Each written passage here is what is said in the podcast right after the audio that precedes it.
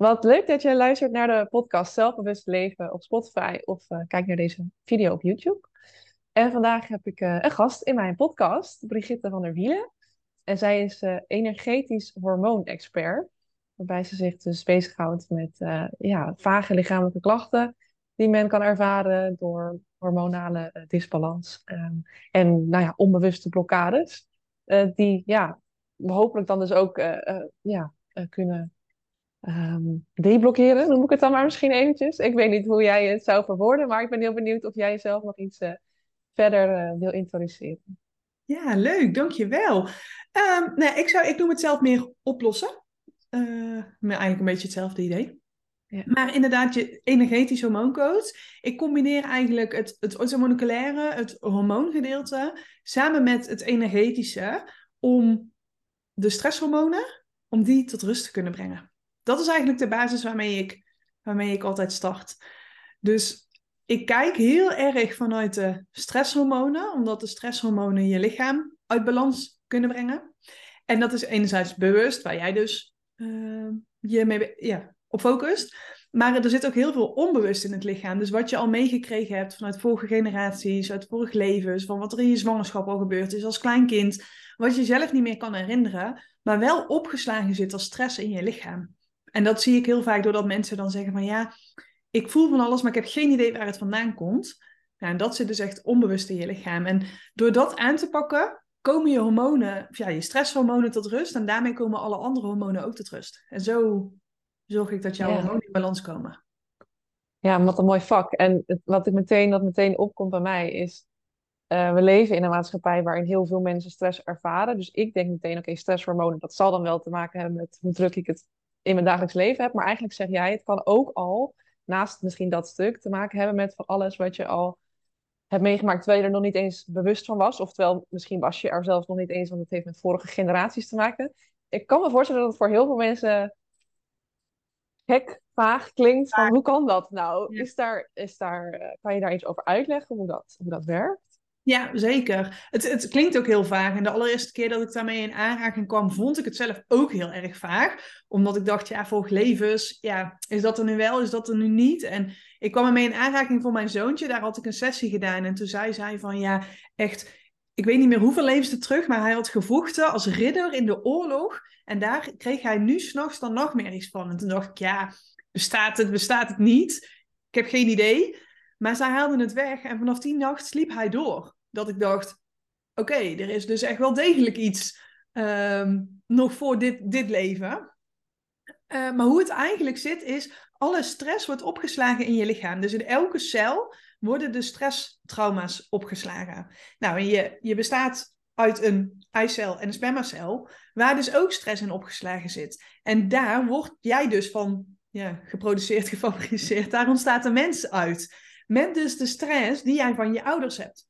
Maar toen jouw moeder in de buik zat bij jouw oma, had jouw moeder al jouw eitjes, de eitjes bij waar jij uit geboren bent. Dus de stress die oma heeft gehad, die zit ook in jou.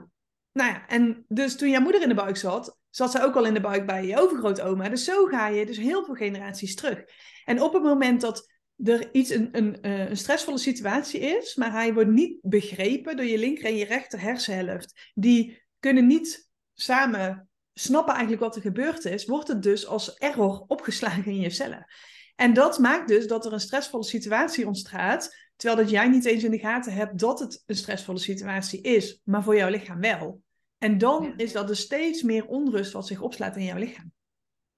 Ja, ja het, is, het klinkt nog steeds uh, hè, best wel cryptisch, maar het is, is een mhm. goede uitleg in die zin. Ja. Ja, want volgens mij word je geboren met, uh, of nee, is het tijdens, je, tijdens de uh, zwangerschap heb je, zitten een paar 400 miljoen eitjes of zo. En als je geboren wordt, is het nog maar 400.000 of zo. Dus het wordt ook al heel, uh, heel ja, snel minder. Ja, en door je leven heen worden het er natuurlijk steeds minder. Ja, ja. En, en jij combineert dus twee dingen. Voor mij is dat ook echt al twee, voor mij als leek zijn dat ook twee verschillende dingen. Dus het stukje je noemde het orthomoleculair, misschien kan je zo meteen die term ook nog even uitleggen. En dan een stukje met dus die onbewuste uh, blokkades vanuit ja, vroeger of vanuit zelfs mhm. vorige generaties. Um, hoe zijn die twee aan elkaar uh, gelinkt? Ja, en, en wat is orthomoleculair? Ja. Nou, ik ben gestart als orthomoleculair therapeut. Nadat ik zelf een burn-out heb gehad. En via de reguliere weg, dus toen werd ik naar de, uh, bij de huisarts werd ik naar de psycholoog gestuurd. En het zat niet per se in mijn mind. Ik had geen, niet, ja, eigenlijk geen energie. En dat kregen ze bij de psycholoog, kregen we dat niet opgelost. En toen wilden ze mij aan de antidepressiva doen, zodat ik lekkerder in mijn vel zou zitten. En ik was toen nog heel erg gewoon van de reguliere pad. Ik, ik, met alternatief ben ik ook niet mee opgegroeid. Dus dat was allemaal, ja, ja anders. Niet, niet onze richting, om het zo maar even te zeggen. Alleen ik wist wel dat als ik aan de antidepressiva zou gaan, dat ik er dan waarschijnlijk niet meer vanaf zou komen. En dat was iets wat ik niet wilde. Dus toen ben ik verder gaan zoeken. En toen kwam ik uit op dat iemand tegen mij zei van... joh, ga eens naar een orthomoleculair therapeut. Nou, ik heb drie maanden moeten oefenen voordat ik het uit kon spreken. en toen ik daar dus was, had ik binnen een maand meer energie. Dat ik dacht, waarom weet niemand dit? En zo ben ik uiteindelijk na twee jaar dat ik dacht, en hier ga ik nu mijn vak van maken. Maar op orthomoleculair gebied uh, is eigenlijk ook allemaal wetenschappelijk onderzocht. Ehm, en kijken wij naar het hele lichaam. Dus waar je regulier, als je buikpijn, of ja, met je maag iets hebt, dan ga je naar de MDL-arts. Maar dan vervolgens, als je ook in je tenen ergens last van krijgt, ja, dan word je weer ergens doorgestuurd. Terwijl dat die dingen ook allemaal in verband kunnen staan met elkaar. En orthomoleculair kijken we dus echt gewoon naar jouw hele lichaam. Naar vitamines, naar mineralen. Dus hoe, is je, hoe functioneert jouw lichaam? Waar zitten de errors, om het zo maar even te zeggen? En die gaan we dan oplossen. Nou, en toen Eigenlijk... Errors, errors, dan bedoel je tekorten of zo, hè, denk ik. Ja, of waar, waar stroomt het niet meer? Dus waar uh, een osteopaat doet dat bijvoorbeeld ook. Als je uh, last hebt, ik had toen op een gegeven moment last van mijn arm na mijn zwangerschap en dat kwam vanuit mijn heup. Terwijl dat bijvoorbeeld een fysio, als je zegt ik heb last van mijn schouder, dan gaat hij je schouder masseren en dan gaat hij daar kijken wat er iets is. Terwijl een osteopaat naar heel je lichaam gaat kijken en ziet, oh, in je, in je bek of in je heup staat iets schuin en dat trekt door naar je, naar je schouder. Dus dat is eigenlijk ook wat een uh, orthomoleculair therapeut doet. Die kijkt dus naar jouw hele lichaam en dus vooral ook naar voeding, naar je beweging, naar je ontspanning. Dus eigenlijk naar je hele leefstijl. Van hé, hey, waar schiet jij tekort? Waardoor er uiteindelijk dus tekorten kunnen ontstaan of dat er klachten gaan ontstaan in jouw lichaam. Ja. Zonder meteen medicatie te geven, maar dus echt naar de oorsprong te kijken. Van hé, hey, waar kunnen we aan de voorkant iets veranderen, waardoor dat dan aan de achterkant de klachten gaan verdwijnen. Toen kreeg ik in de gaten dat hormonen eigenlijk wel alles bepalen in je lichaam. Hoe je, hoe je eruit ziet, hoe je denkt. Eigenlijk, zelfs je, je darmen zijn nog van invloed op. Of hoe je hormonen zijn, is nog van invloed op je darmen. Dus toen dacht ik, hé, hey, dan ga ik me dus meer specialiseren in hormonen. Want dan kan ik daar nog verder mee komen. En daar kon ik mensen echt wel heel goed mee helpen. Alleen ik merkte dat ik gewoon vast bleef lopen op dat nou, dan, bij mij komen echt wel de, de drukke ondernemende vrouwen. En dan niet per se alleen uit ondernemerschap eerst, ook gewoon uit loondienst, maar wel echt bezige bijtjes. En misschien is dat ook omdat ik daar zelf ben, dan trek je dat ook aan. Maar dan zeg je tegen iemand, ja, je moet gaan mediteren, je moet gaan ontspannen, dus ga maar mediteren. Maar ja, ik deed het zelf ook. Toen ging ik mediteren, maar vervolgens was boodschappenlijstjes aan het maken. Of dat ik aan yoga aan het doen was, maar nog niet tot rust kan komen. Toen dacht ik, ja, je kan iemand nog wel drie weken naar een hutje op de hei sturen, maar zo iemand kan niet tot rust komen. Nou, en toen dacht ik van, hé, hey, hoe kan dat? Hoe ben ik daar verder in gaan zoeken? En toen kwam ik dus op die onbewuste stress uit. En dus dat energetische. Doordat je het niet weet, kun je het ook niet oplossen. En als je dus met het onbewuste, met de biotensor, dat is eigenlijk de energetische ja, toverstaf noemen mijn kinderen hem, uh, ga je dus kijken van, hé, hey, waar komt het vandaan? En dan los je dat op en dan merk je dat je dus steeds meer tot rust kan komen.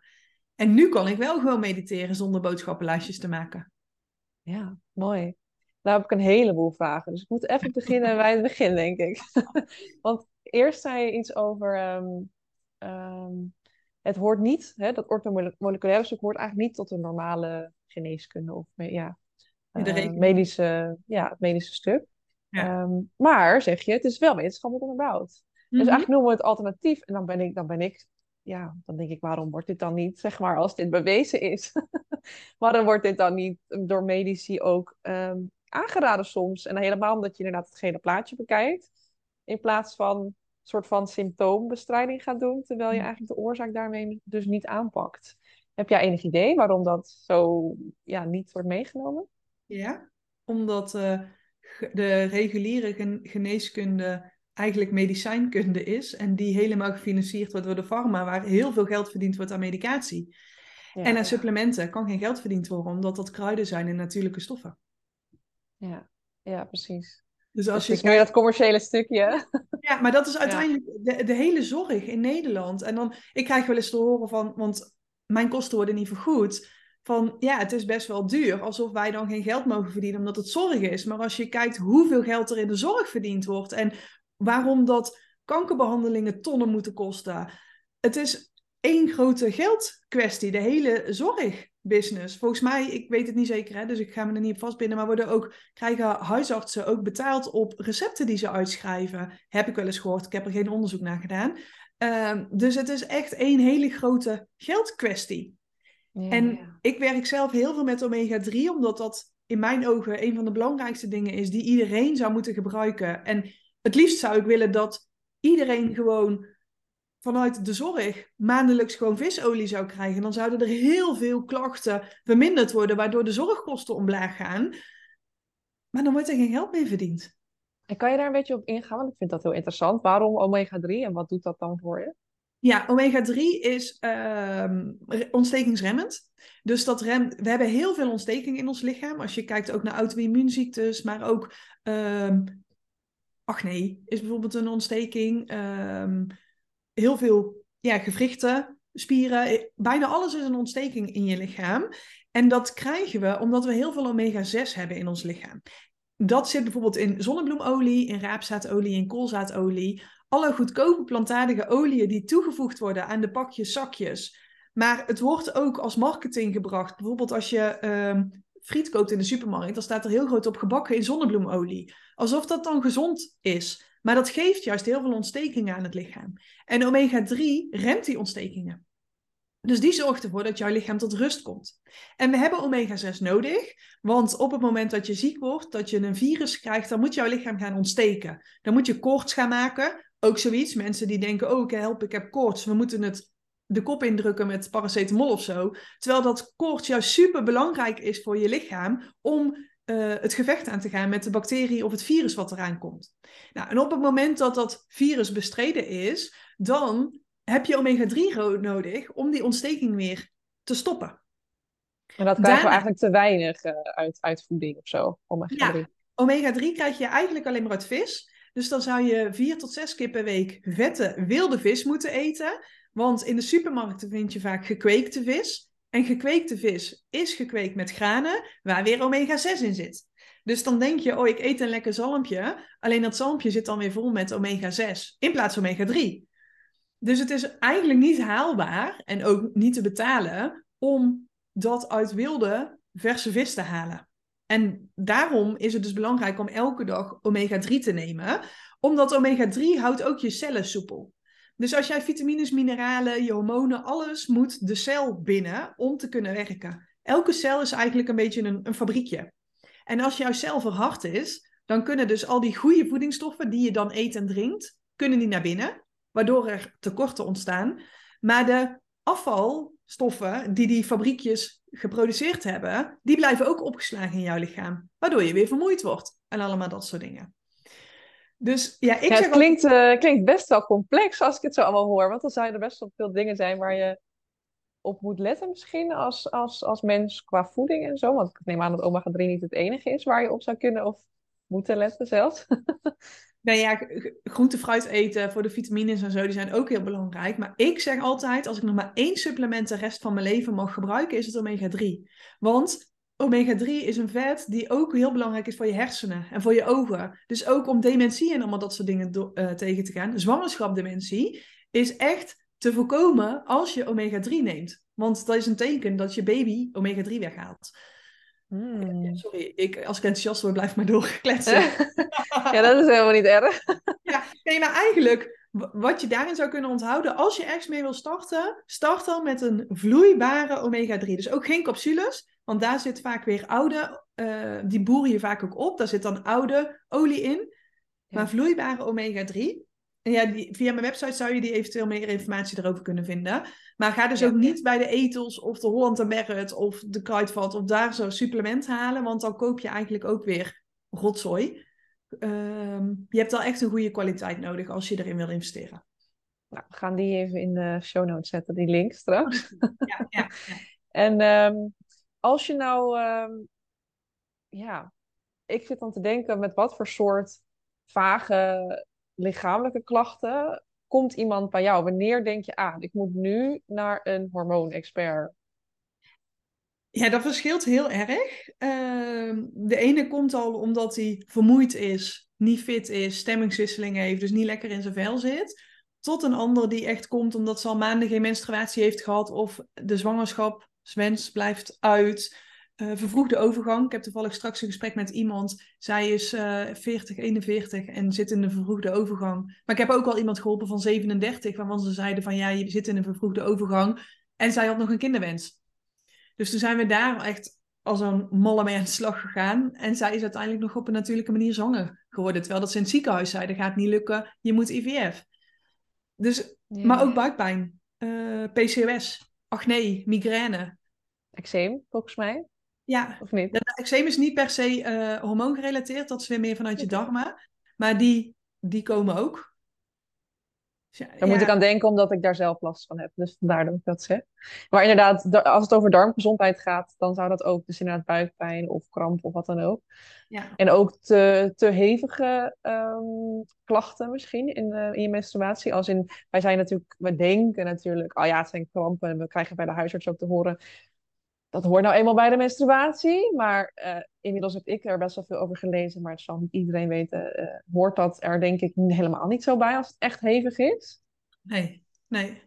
Nee, vroeger zei de huisarts ook tegen mij van... Ik heb vanaf mijn veertien de pil doorgeslikt. Omdat ik zulke heftige menstruaties had... dat ik echt gewoon krom lag van de buikpijn. Dat zij tegen mij zei, slik de pil maar door... want het is toch een kunstmatige menstruatie. Nou ja, ik heel blij, want ik had en geen heftige bloedingen meer... en geen buikpijn meer. En ik was nog maar twee keer per jaar dat ik mijn menstruatie had. Nu denk ik, oh help, wat heeft het voor mijn lichaam gedaan? Maar... Nou, dat is wel een goede vraag, want ik zelf ben aan de anticonceptie. Ik denk daar ook heel vaak over na. Ik heb al een spiraal in dit geval. Mhm. dus je uh, hormonen in ieder geval. En ik heb ook heel lang de pil gebruikt.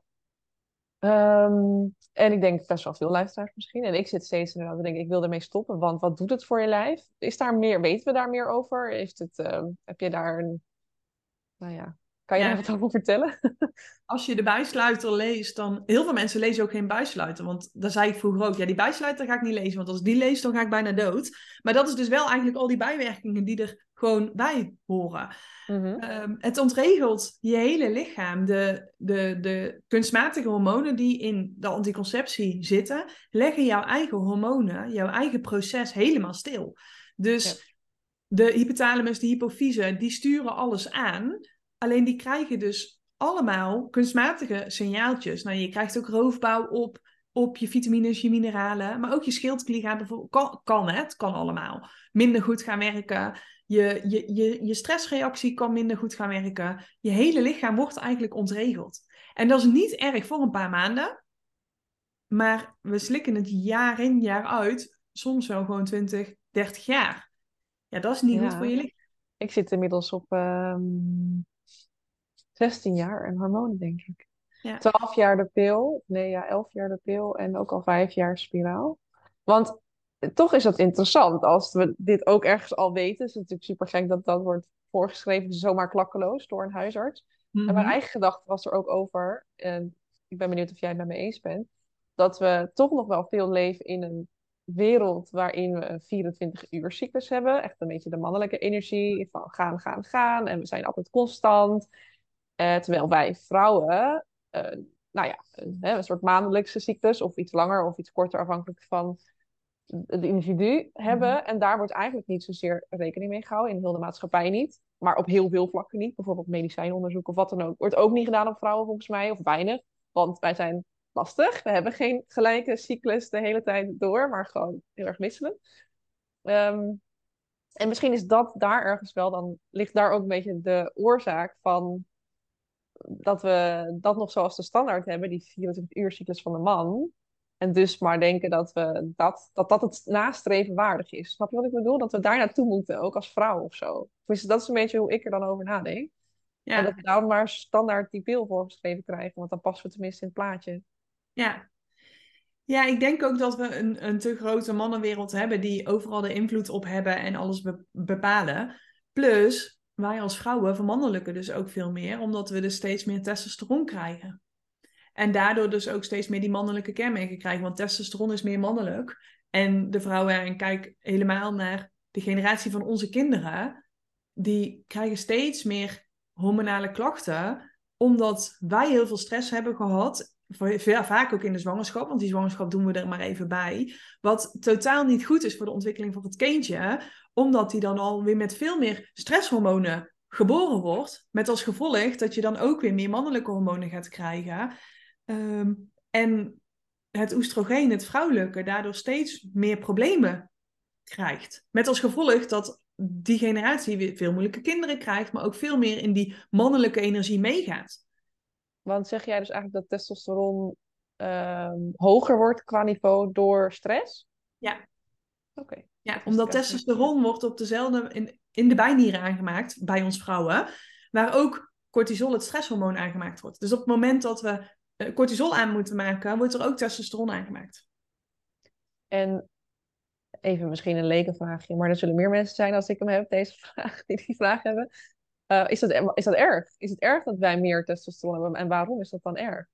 Ja, want dan ga je dus de PCOS krijgen. Dus de vrouwen die um, overbeharing, acne, migraine, uh, moeilijke kinderen krijgen, menstruaties die uitblijven. Ons, ons lichaam is er niet op gemaakt om altijd heel veel testosteron te hebben. Wij horen eigenlijk alleen maar testosteron te hebben rond de ovulatie zodat we ons gezicht symmetrischer wordt, dat we er knapper uitzien, zodat we die mannen aan de haak kunnen slaan om te voortplanten.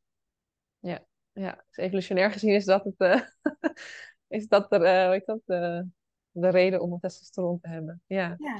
Ja. En het klinkt alsof er best wel veel dingen zijn die ons dan een soort van tegenwerken al voor de maatschappij, maar überhaupt dingen die we niet weten, want deze kennis wordt niet um, openbaar gemaakt, want het is niet de reguliere geneeskunde.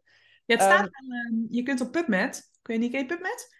Ik ken PubMed, ja. Ja, maar... daar staan al die onderzoeken dus op. Daar kijken wij niet, maar ja, artsen Ja, kijken. PubMed is gewoon een onderzoeks... Uh, of tenminste, voor mij, wat, hoe ik het ja. altijd heb gebruikt, is een website hè, om uh, uh, allerlei onderzoeksresultaten op te vragen. Of eigenlijk artikelen te, te zoeken op dit soort uh, thema's.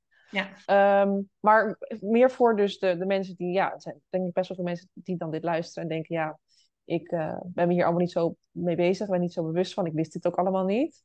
Waar, waar ga je beginnen als je hiermee aan de slag wil, zeg maar? Wat kan je zelf dus al doen, buiten misschien de omega 3? Wat kan je zelf doen om een start te maken om meer uh, in balans te komen als je ja, vage lichamelijke klachten ervaart? Of, ja.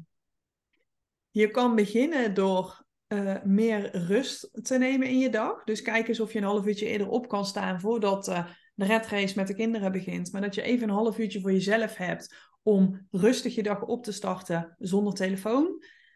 Gewoon lekker journalen, yoga doen, even lummelen, rustig drinken. Mm -hmm. uh, minimaal 500 gram groente per dag, minimaal twee stuks fruit per dag. Gewoon lekker bewegen, 7, 8 uur slaap. Uh, ja, minder pakjes, zakjes, minder suiker, dat soort dingetjes. Dus echt meer terug naar die oervoeding ja, mij gaan volgen op Instagram voor meer tips.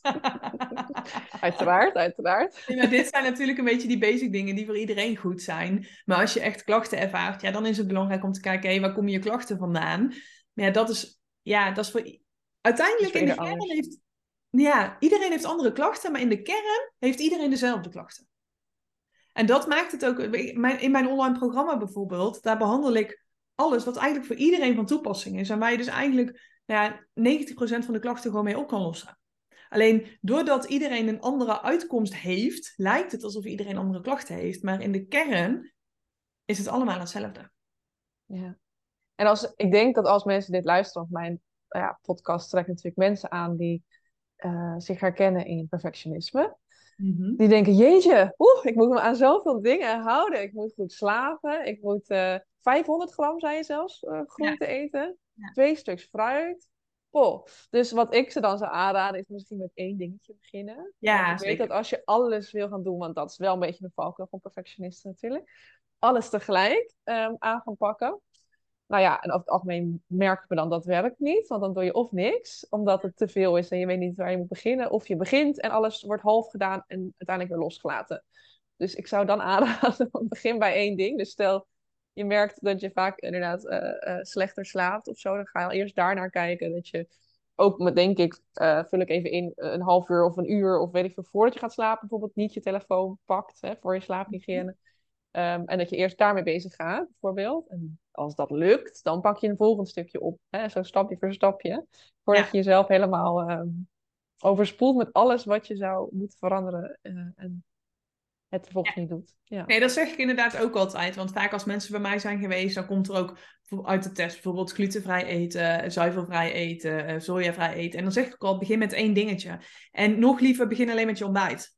Want als jij een error krijgt omdat je zoveel moet doen en vervolgens niks doet, dan gebeurt er helemaal niets. Dus dan heb ik liever dat je er twee maanden over doet, voordat je uiteindelijk alles geschrapt hebt wat voor jou even goed zou zijn om tijdelijk te, uh, te schrappen. Uh, maar dat je het wel beter vol kan houden, dat het voor jou dus minder stressvol is. Want stress is slechter dan ongezonde voeding. Ja. Ja, stress is een boosdoener van heel veel dingen. Dus dat is sowieso het belangrijkste startpunt, denk ik, om uh, te beginnen. Ja en ik hoor jou een paar keer uh, praten over een test. Misschien kan je dat nog kort toelichten wat dat, wat dat inhoudt. Want dat is denk ik niet bekend voor ieder. Nee, ja, dan heb ik het over de EMB bloedtest. Maar dan, die is heel populair. Alleen ik zou wel aanraden, doe die altijd met begeleiding erbij. Ik, doe, ik heb hem los aangeboden, maar dat doe ik niet meer. Ik doe hem alleen nog maar in mijn één op één trajecten. Omdat het is heel fijn om te weten wat er uitkomt. Maar er komt zoveel informatie uit, dat je dan vervolgens nog denkt van... Oké, en waar moet ik nu starten? En dan haal je er niet uit wat je eruit zou willen halen. Ja, dus en die bloedtest heeft, uh, hè, dat geeft volgens mij uitslag over wat je, wat je net zei, over dingen als vitamine, mineralen, hormonen. Wat, wat zit wel voor jou op een goed niveau en waar kan, waar kan er nog uh, aan gewerkt worden? Energetisch gezien, dus dat is echt totaal anders ook als dat je bij een huisarts moet prikken. Ja, ja. En nu hebben we het heel veel gehad over hormonen en we zijn al best wel een tijdje aan het praten. Maar ik ben ook nog heel even nieuwsgierig naar. Um, in het begin hadden we het namelijk natuurlijk over dat dingen zich vastzetten in je lichaam, ook van vroeger, van vorige generaties. Dus toen zei jij: Ik werk met de biotensor. Uh, daar wil ik toch even op terughaken. Want ja, voor heel veel mensen is dat denk ik nog wel een onbekend instrument. Ik heb toevallig zelf één keer nu een, uh, een, sessie gehad ermee. Maar misschien wil jij kort toelichten ook van wat houdt dat dan in en hoe ga je daarin te werk? Ja, ik zal hem even voor de YouTube-kijkers even laten zien. Dit is de biotensor. Dus het is eigenlijk een, ja, een, een handvat met een ijzeren veer erin. Heel veel vergelijken het ook met een, noem je dat, zo'n... Uh, zo'n zo'n mm. Zodat je iemand uh, kan hypnotiseren soort van, met zo'n ding voor je ogen. Ja, ja dus... zo'n zo muntje soort van het heen en weer gaan. Ja, of zo'n aan zo'n draad. Een, eh, ik kan even niet op. Kan het ik weet de term ook niet. Nee, in ieder geval zo, zo'n. Ja, wichelroede zou je ook kunnen vergelijken. Um, dus echt een energetisch instrument waarmee je intuned op de energie van een ander. Dan weet ik eigenlijk niet meer zo goed wat je vraagt. Wat de, wat de biotensor doet, zeg maar, en hoe, dat, hoe je daarmee oh werkt. Ja. Ja. ja, dus ik tune daarmee in eigenlijk op de energie van de ander met het onbewuste. En dan ga ik aan de hand van de uh, Chinese geneeskunde, die werkt met vijf elementen: vuur, aarde, metaal, uh, water en hout. En dan ga je kijken hey, welke elementen zijn uit balans. En elk element is weer ver verbonden met uh, organen. En elk orgaan is weer verbonden met emoties. Dus dan kijk je echt met ja-nee vragen, stel je dan aan de biotensor. Dus stel jij zegt, ehm, ik wil rust in mijn hoofd. Of ik, ik ben rustig in mijn hoofd. Nou, dan zegt de biotensor nee. Nou, oké, dan gaan we dus kijken waarom dat jij niet rustig bent in je hoofd. Dus welke elementen zijn uit balans? En wat zit daar dan onder? En dan mhm. kijk je dus, nou, stel het komt vanuit de dikke darm, omdat je de lat heel erg hoog legt. En dat is dan in relatie tot jezelf. Dus dat jij, of in relatie tot je vader, kan bijvoorbeeld ook. Of in relatie tot je dagelijkse werkzaamheden. Dus dan komen er, kunnen er, in relatie tot heel veel dingen kan het, of in relatie tot alles. En dan kijk je, oké, maar is dit mijn eigen emotie? Of heb ik deze overgenomen? Nou, en is Vanuit vorige generatie bedoel je dan weer bijvoorbeeld. Ja. ja, of uit het vorige leven. Nou, dan gaan we kijken, nou, wanneer in jou, stel dat het wel uit jouw leven komt, wanneer is dat dan ontstaan? Is dat al in de zwangerschap, zelfs al bij de conceptie? Of is het pas op je 22e ontstaan? Dat, dat testen we dan helemaal uit. Nou, is het van de vorige generatie? Dan kijken we hoeveel generaties terug. Aan je vaderskant en je moederskant. En is het dan van die man of van de vrouw? Dus je gaat echt heel specifiek kijken van, hé, hey, waar komt het vandaan? En wat heeft die persoon dan gevoeld? Of wat heb jij dan gevoeld op je 22e, waardoor dat het vastgezet is in je leven? Nou, en dan hebben we dat hele verhaal hebben we dan compleet. En vaak herken je dan ook dat, stel al is het van, bij mijn dochter had ik op perfectionisme, kwam ik uit op 27 generaties terug aan mijn kant. Wat dus betekent dat dus al 27 generaties lang wij allemaal last hebben van perfectionisme. Ja. Dus die vrouw, 27 generaties terug, die heeft iets gevoeld, waardoor zij perfectionisme heeft ontwikkeld. En omdat zij dat niet verwerkt heeft, hebben wij allemaal dat perfectionisme overgekregen. En dat, ga dat klinkt heftig, ja. en dat ga je dus losmaken dan. En dat geef je dan eigenlijk terug aan die vrouw, zodat het bij jou... Het is niet van jou. Dus jouw lichaam mag het verwerken om het los te laten. Ja. En nou weet ik dat... Uh, ja, goed, ik, ik, ik heb dit gedaan omdat ik heel erg nieuwsgierig was. Maar ik was vrij sceptisch. Ik denk dat heel veel mensen dat zijn in het begin. Want het klinkt te mooi om waar te zijn dat dat door een apparaat dat ja en nee zegt, zeg maar, dat beweegt... Uh, duidelijk kan maken wat, waar het dwars zit en ook het zelfs weg kan halen. Mm nou wilde ik naar een vraag te werken, die ben ik even kwijt.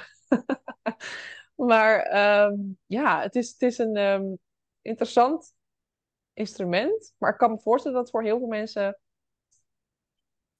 een beetje vaag uh, klinkt. En waardoor werkt dit? weten, we, weten we dat? Of is dit gewoon, ja, het werkt. Dus eh, weet je, ik denk soms, ja, als het een placebo is, dat vind ik ook prima. Als het werkt, dan werkt het, weet je Als ik me daardoor beter voel, is dat prima. Uh, maar is er enige, ja, weten we iets over de werking hiervan? Van waardoor heeft het zoveel effect? Ja, alles is energie. Dus je koppelt uiteindelijk die energie, koppel je los.